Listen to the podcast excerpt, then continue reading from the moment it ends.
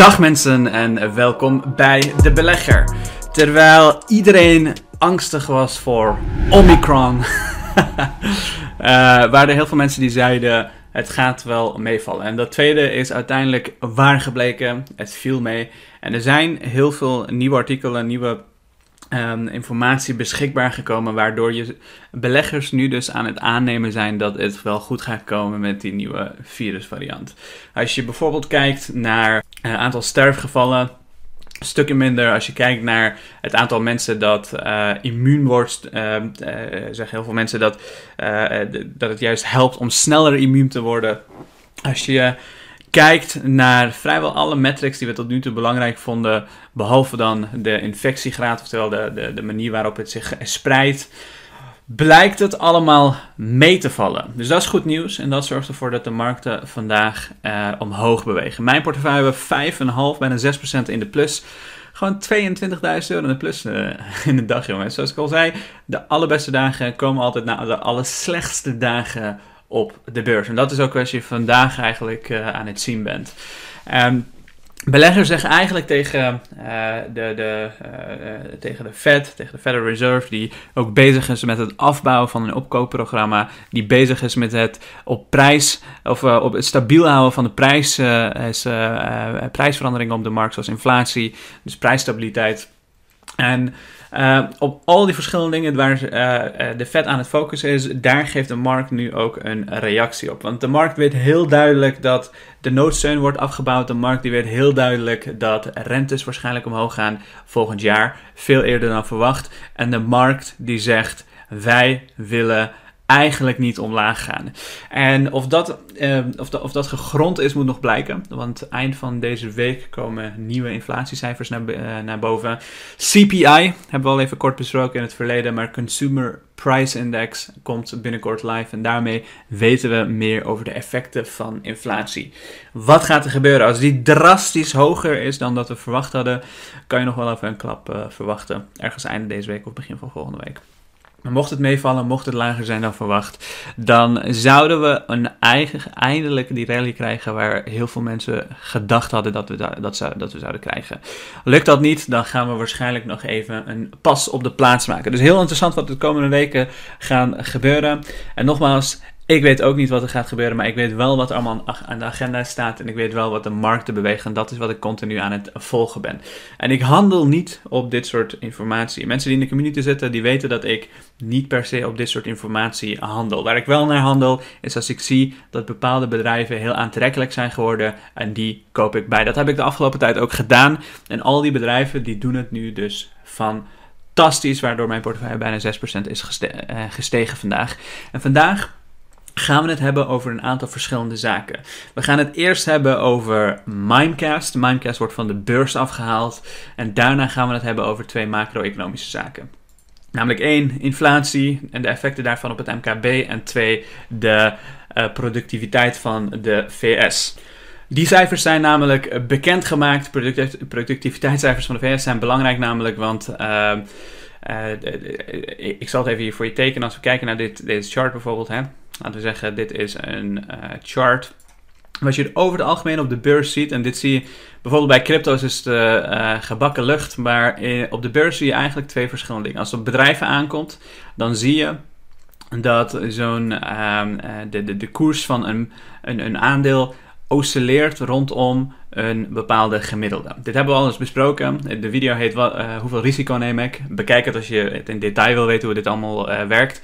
Maar die gemiddelde is vaak de winsten die een bedrijf boekt. En als we op economisch niveau kijken, dan is dit gemiddelde vaak de productiviteitsgroei. Productiviteitsgroei zorgt voor economische groei en voor mij persoonlijk is buiten inflatie en buiten CPI en al dat soort zaken ook productiviteit een van de belangrijkste graadmeters die je kunt voorstellen. Dus we gaan vandaag doornemen wat die productiviteit uh, in de VS is, waarom, uh, waaromheen alle economische groei zoals GDP en dergelijke oscilleert. Dus, nou, daar gaan we het over hebben. Laten we eerst beginnen met Mimecast. Mimecast heb ik hier een kleine, wat is het, half jaar, bijna een jaar geleden of iets dergelijks uh, besproken. Inmiddels zijn, uh, hebben we echt ontiegelijk veel winsten gemaakt met uh, Mimecast. Ik zelf sta 100% winst op die belegging. Ik had er 10.000 euro in belegd en dat is inmiddels zo um, uh, 20.000 euro geworden. ook wat winst genomen in het verleden. En de reden dat ze van de beurs worden gehaald is omdat er een private equity bedrijf is die ze voor 5,8 miljard all cash deal gaat kopen. Dus volledig cash worden ze van de beurs gehaald. En wat eigenlijk uh, wat het bedrijf zegt is, zij hebben Um, uh, ze hebben gewoon heel veel geld opgehaald om te zorgen dat ze een bedrijf als Mimecast, die gewoon in het midden van cybersecurity zit, in het hart van ransomware zit, om die van de beurs te halen, omdat ze één ontiegelijk uh, winstgevend zijn. En twee, gewoon een fantastisch bedrijf zijn die gaan profiteren van die cyber um, uh, uh, veiligheidsweef die we, die we eigenlijk al een hele lange tijd aan het meemaken zijn.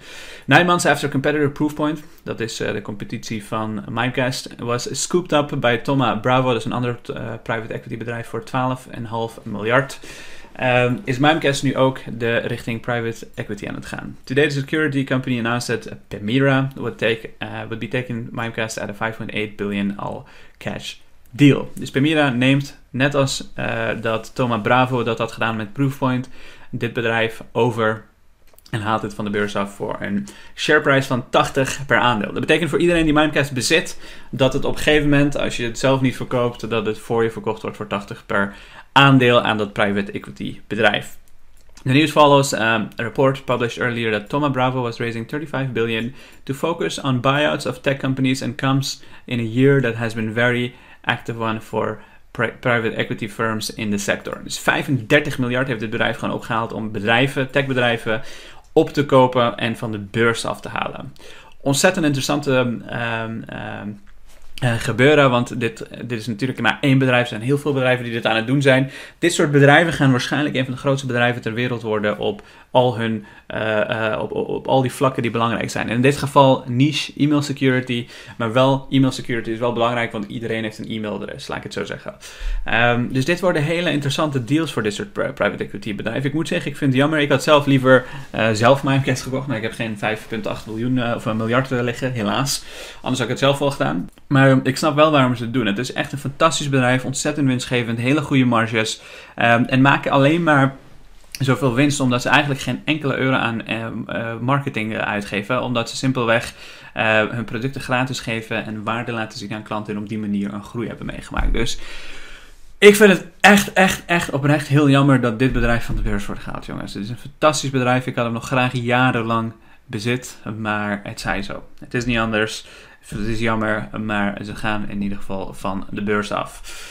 Dus, um, er komt voor mij ongeveer 20k vrij. Ik weet nog niet wat ik ermee ga doen. Mocht er dingen veranderen, mochten, mocht ik bepaalde dingen gaan kopen, dan zal ik dat zoals gewoonlijk met de community delen voor alle mensen die lid zijn van de belegger. En trouwens, als je de code LID99 gebruikt om eeuwig lid te worden, die is nog steeds geldig. Uh, de prijzen van Black Friday zijn niet meer geldig, maar die code is nog steeds geldig voor je. Gebruik de link beneden om lid te worden als je dat nog niet bent. Er zijn heel veel leuke extra's voor je als je dat interessant vindt. En er zijn duizenden mensen die al voor zijn geweest en al lid zijn geworden.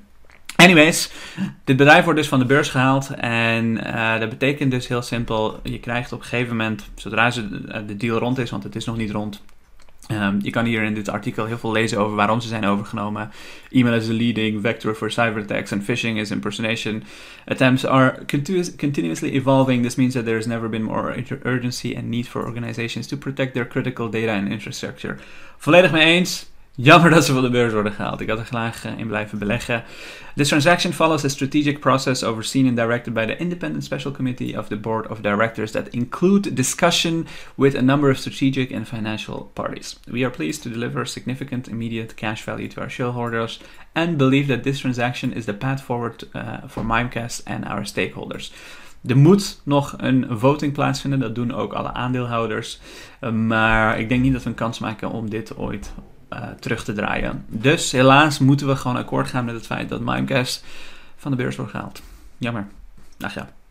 In ieder geval 20k vrij en 100% winst gemaakt op een fantastisch bedrijf die uh, nu helaas niet meer op de beurs zit. Laten we verder gaan. De Laten we het even eerst hebben over uh, de productiviteitscijfers. Die zijn vandaag uh, bekendgemaakt. Zoals je weet, de economie die oscilleert rondom productiviteit. Hoe productiever werkers zijn, hoe meer uren ze werken, hoe beter de economie het zou gaan doen. En vandaag zijn die productiviteitscijfers een van de laagste uh, een, van de, een van de hardste dalingen sinds 1960 geweest. Dit is iets wat de markt op dit moment gewoon compleet negeert. De markt die zegt, ik kijk hier niet naar, ik heb uh, mijn ogen dicht, oordopjes op, ik, ik zie helemaal niks.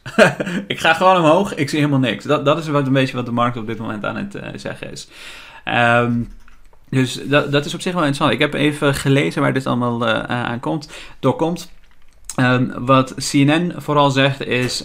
Um, US labor market productivity tanked. Uh, paychecks grew, dus meer salaris ontvangen. The numbers hours of worked jumped, dus mensen zijn meer gaan werken, meer gaan betaald ge gekregen. But workers' output have increased only at a moderate pace. Dus mensen die aan het werk zijn, die halen eigenlijk minder uit hun, of de, wat ze uit hun werk halen, dus productiviteit gaat minder omhoog. Ik weet even niet hoe ik dat precies moest uh, vertalen in mijn hoofd. Revisions to the data that were initially published a month ago showed that productivity drop was even worse than feared. 5.2% on a seasonally adjusted basis.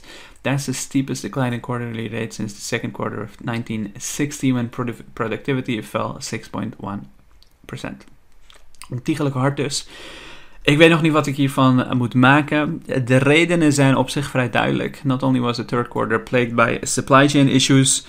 Ja, als je onderdelen niet hebt, dan kun je ook minder productief eh, zijn natuurlijk. That are not fully resolved. It was also when the Delta variant of the coronavirus threw a wrench into the recovery. Waar uh, een mini-wave van lockdowns waren, causing cases to rise and economic activity to slow compared to the second quarter. Nu is mijn eigen mening Um, uh, ook belangrijk. En ik denk dat het ook redelijk te maken zou kunnen hebben met het feit dat iedereen vanuit huis werkt. Ik, weet, ik kan natuurlijk niet voor iedereen spreken. Er zijn heel veel mensen die productiever zijn vanuit huis. Maar er zijn ook heel veel mensen die niet productiever zijn vanuit huis. Ik heb heel veel mensen horen spreken die gewoon kinderen thuis hebben. En die gewoon zeggen: ja. Ik, ik kan gewoon niet productiever zijn als om de zoveel minuten ik op mijn kinderen moet gaan letten. Als ik weer geschreeuw hoor, als ik allerlei dingen uh, zie. En ik, ik begrijp dat enigszins wel. Dus de, de vraag is ook: is het alleen dit of heeft het ook met thuiswerk te maken? Als het tweede aan de hand is, dan zou er nog wel redelijk wat shift kunnen komen de afgelopen tijd. Wat meer onzekerheid, wat meer uh, ja, verandering in, ons, uh, in, in, hoe we ons werk uh, simpelweg eh, gaan doen. Um, anderzijds, inflatie, het spook, die blijft nog steeds natuurlijk op de achtergrond staan. De nieuwe cijfers komen binnenkort uit. Maar inflatie is een heel groot fenomeen. Kijk, uh, we hebben het heel vaak over pricing power. Bedrijven die pricing power hebben zijn vaak beursgenoteerd in grote bedrijven. Die kunnen hun prijzen met inflatie mee laten stijgen. Maar je moet niet vergeten dat de beurs onafhankelijk is van de economie. De, uh, het stijgt mee met de, als, als de economie het goed doet, dan stijgt de beurs mee. Maar het is onafhankelijk in de vorm dat de beurs bestaat uit ongeveer 30% van de economie. 30% van de economie zijn de allergrootste bedrijven ter wereld. Uh, alle, uh, laten we even zeggen, beursgenoteerde bedrijven voor het gemak, maar grootste bedrijven ter wereld. Die representeren 30% van de totale economie, heb ik ergens gelezen. Als dat niet klopt, laat me even in de comments uh, weten. Um, de andere 70% zijn MKB'ers. MKB'ers, kleine ondernemingen, die zorgen ervoor dat, die, ja, die zijn eigenlijk een veel belangrijker gedeelte van de, uh, van de economie. En die hebben, omdat ze zo gefragmenteerd zijn, vaak niet de mogelijkheid om prijzen door te kunnen berekenen aan hun klanten. En als zij geraakt worden, dan kan de economie ook uh, daadwerkelijk geraakt worden. Dus als je de beurs omhoog ziet gaan, omdat grote bedrijven wel hun prijzen kunnen doorberekenen, betekent dat nog niet dat de economie het echt ontiegelijk goed doet. Want heel veel MKB'ers die komen het nou, uh, die raakt meteen hun gezinnen, uh, hun inkomen. En als hun inkomen wordt geraakt, raakt dat ook waarschijnlijk de economie. En dat is wel iets wat belangrijk gaat worden de komende tijd. Gaat het MKB ook meemaken dat de economische groei aan het verbeteren is? Uh, of, of, gaat inflatie de MKB'ers in het nauw blijven drukken, waardoor ze prijzen niet kunnen doorbreken enzovoorts enzovoorts. Ze hebben ook minder um, um, um, mogelijkheden om te onderhandelen. Als jij een klein bedrijf bent die melk verkoopt tegenover een wat groter bedrijf die melk verkoopt, dan kan je ook moeilijk gaan onderhandelen. Ja, ik wil 4% meer. weet je wel, dat, dat, kan simpelweg niet. Plus, je maakt het jezelf moeilijk, want als een ander bedrijf het voor 4% minder verkoopt of het wat later doet dan jij, dat je gewoon klanten kwijtraakt. Misschien wel lange termijn klanten aan dat bedrijf, omdat ze financiële keuzes aan het maken zijn. Dus heel interessant wat, wat hier ook allemaal gaat gebeuren en, wat er met productivity gaat gebeuren. Ik begrijp de reden waarom productivity niet uh, hoog is en waarom het eigenlijk gewoon heel laag is. Maar het wordt wel een interessant fenomeen. Goed om in de gaten te houden. In ieder geval op dit moment is de beurs euforisch en het is feest! Dank voor het kijken en nog een hele fijne avond.